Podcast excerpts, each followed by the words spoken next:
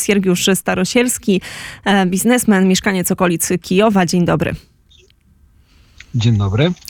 A my dzisiaj przez moment porozmawiamy o sytuacji gospodarczej i energetycznej na Ukrainie. No właśnie, pan prowadził, prowadzi tak naprawdę cały czas firmę, biznes i to związany z branżą, która chyba została jako jedna, chociaż pewno bardzo dużo tych branż zostało bardzo mocno dotkniętych, no ale branża energetyczna, ataki na infrastrukturę krytyczną na Ukrainie, już ponad 45% zniszczonej tej, infrastruktury. Proszę powiedzieć, jak obecnie i czy w ogóle pańska firma, pański pańskiej firmie udaje się jeszcze funkcjonować?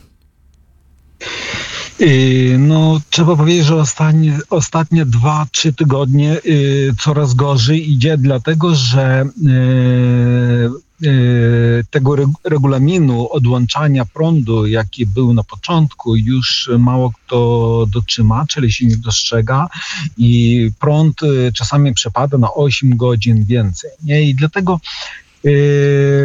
sytuacja jest no, dość trudna. To oczywiście też zależy od e, e, rejonu Kijowa, bo są e, niektóre rejony, gdzie prąd odłącza się na przykład cztery razy dziennie, gdzieś na przykład dwa razy dziennie i też czas odłączania się różni. Nie? W naszej sytuacji jest problem z tym, że kiedy yy, my mamy magazyny na przykład yy, niedaleko od biura i jeżeli na przykład nie ma prądu na magazynach, to w biurze jest i odwrotnie. To jest trudno zawsze połączyć nie, procesy. Próbujemy, pozmieniać, zmieniliśmy trochę, trochę procesy i część część ser, serwerów właśnie teraz nie wiem po polsku, czy dobrze y, nazwałem, nie?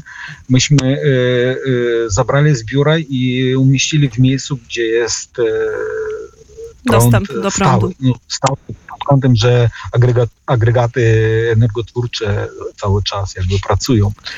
No i podzielili firmę na trzy segmenty i na przykład e, dwa segmenty, to znaczy dwie grupy ludzi siedzą w domach, jeżeli kogoś nie ma, to pracuje druga grupa i część jest w biurze i my próbujemy obsługiwać klienta, takim sposobem, tak trochę, no nie wiem jak na, nawet ten sposób nazwać, ale się dostosow, próbujemy się dostosować do sytuacji, prawda? Jeżeli na przykład w jakiejś części jest prąd Kijowa, a tam są nasi pracownicy, to oni z domu po prostu wykonują też wszystkie swoje funkcje, nie?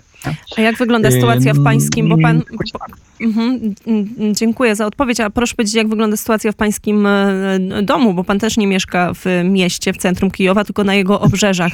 Czy tam prąd dociera? Tam jeszcze gorzej. Tam, tam gorzej. Ta, ta, e, na początku było w miarę dobrze, bo jeszcze jakoś e, ta linia, do której myśmy byli podłączeni, się trzymała, a ostatnio się odłączała. Na przykład no, mogło być tak, że o 8 rano e, przypadł prąd, a przed tym był parę godzin i tam do szóstej wieczór też nie ma prądu. No i tak, e, żeby podłączyć e, no jakoś, żeby e, wodę pociągnąć, żeby pompa, pom, pompy mogły pracować, no to no oczywiście włączam agregat energotwórczy i tam po trochu produkujemy tego, ten prąd na benzynie, na dyzlu, na przykład jak się wychodzi z domu, to słychać, słychać taki dźwięk specyficzny generatorów, y, to znaczy agregatów benzynowych, dieslowych, taki hałas stoi w wiosce. Każdy jakoś tam się dostosowuje. W wiosce jeszcze nie jest tak źle, nie? W wiosce jakoś ludzie sobie radzą. W Kijowie gorzej, nie? Bo, bo to już chodzi o, są mieszkania, gdzie wszystko na prąd, ogrzewanie na prąd i tam jest trudnie, tak. Są, zależy. Każda sytuacja jest y, różna, nie? Ale teraz na moment, na moment przyjechał pan do Polski. Rozumiem, że za, za kilka dni e, będzie pan wracał do swojego domu, będzie pan wracał do e, tak Kijowa, do okolicy Kijowa. To proszę może kilka słów jeszcze opowiedzieć o samej trasie. Jak długo czekał pan e, w kolejce na przejściu? Czy to już poszło dosyć sprawnie?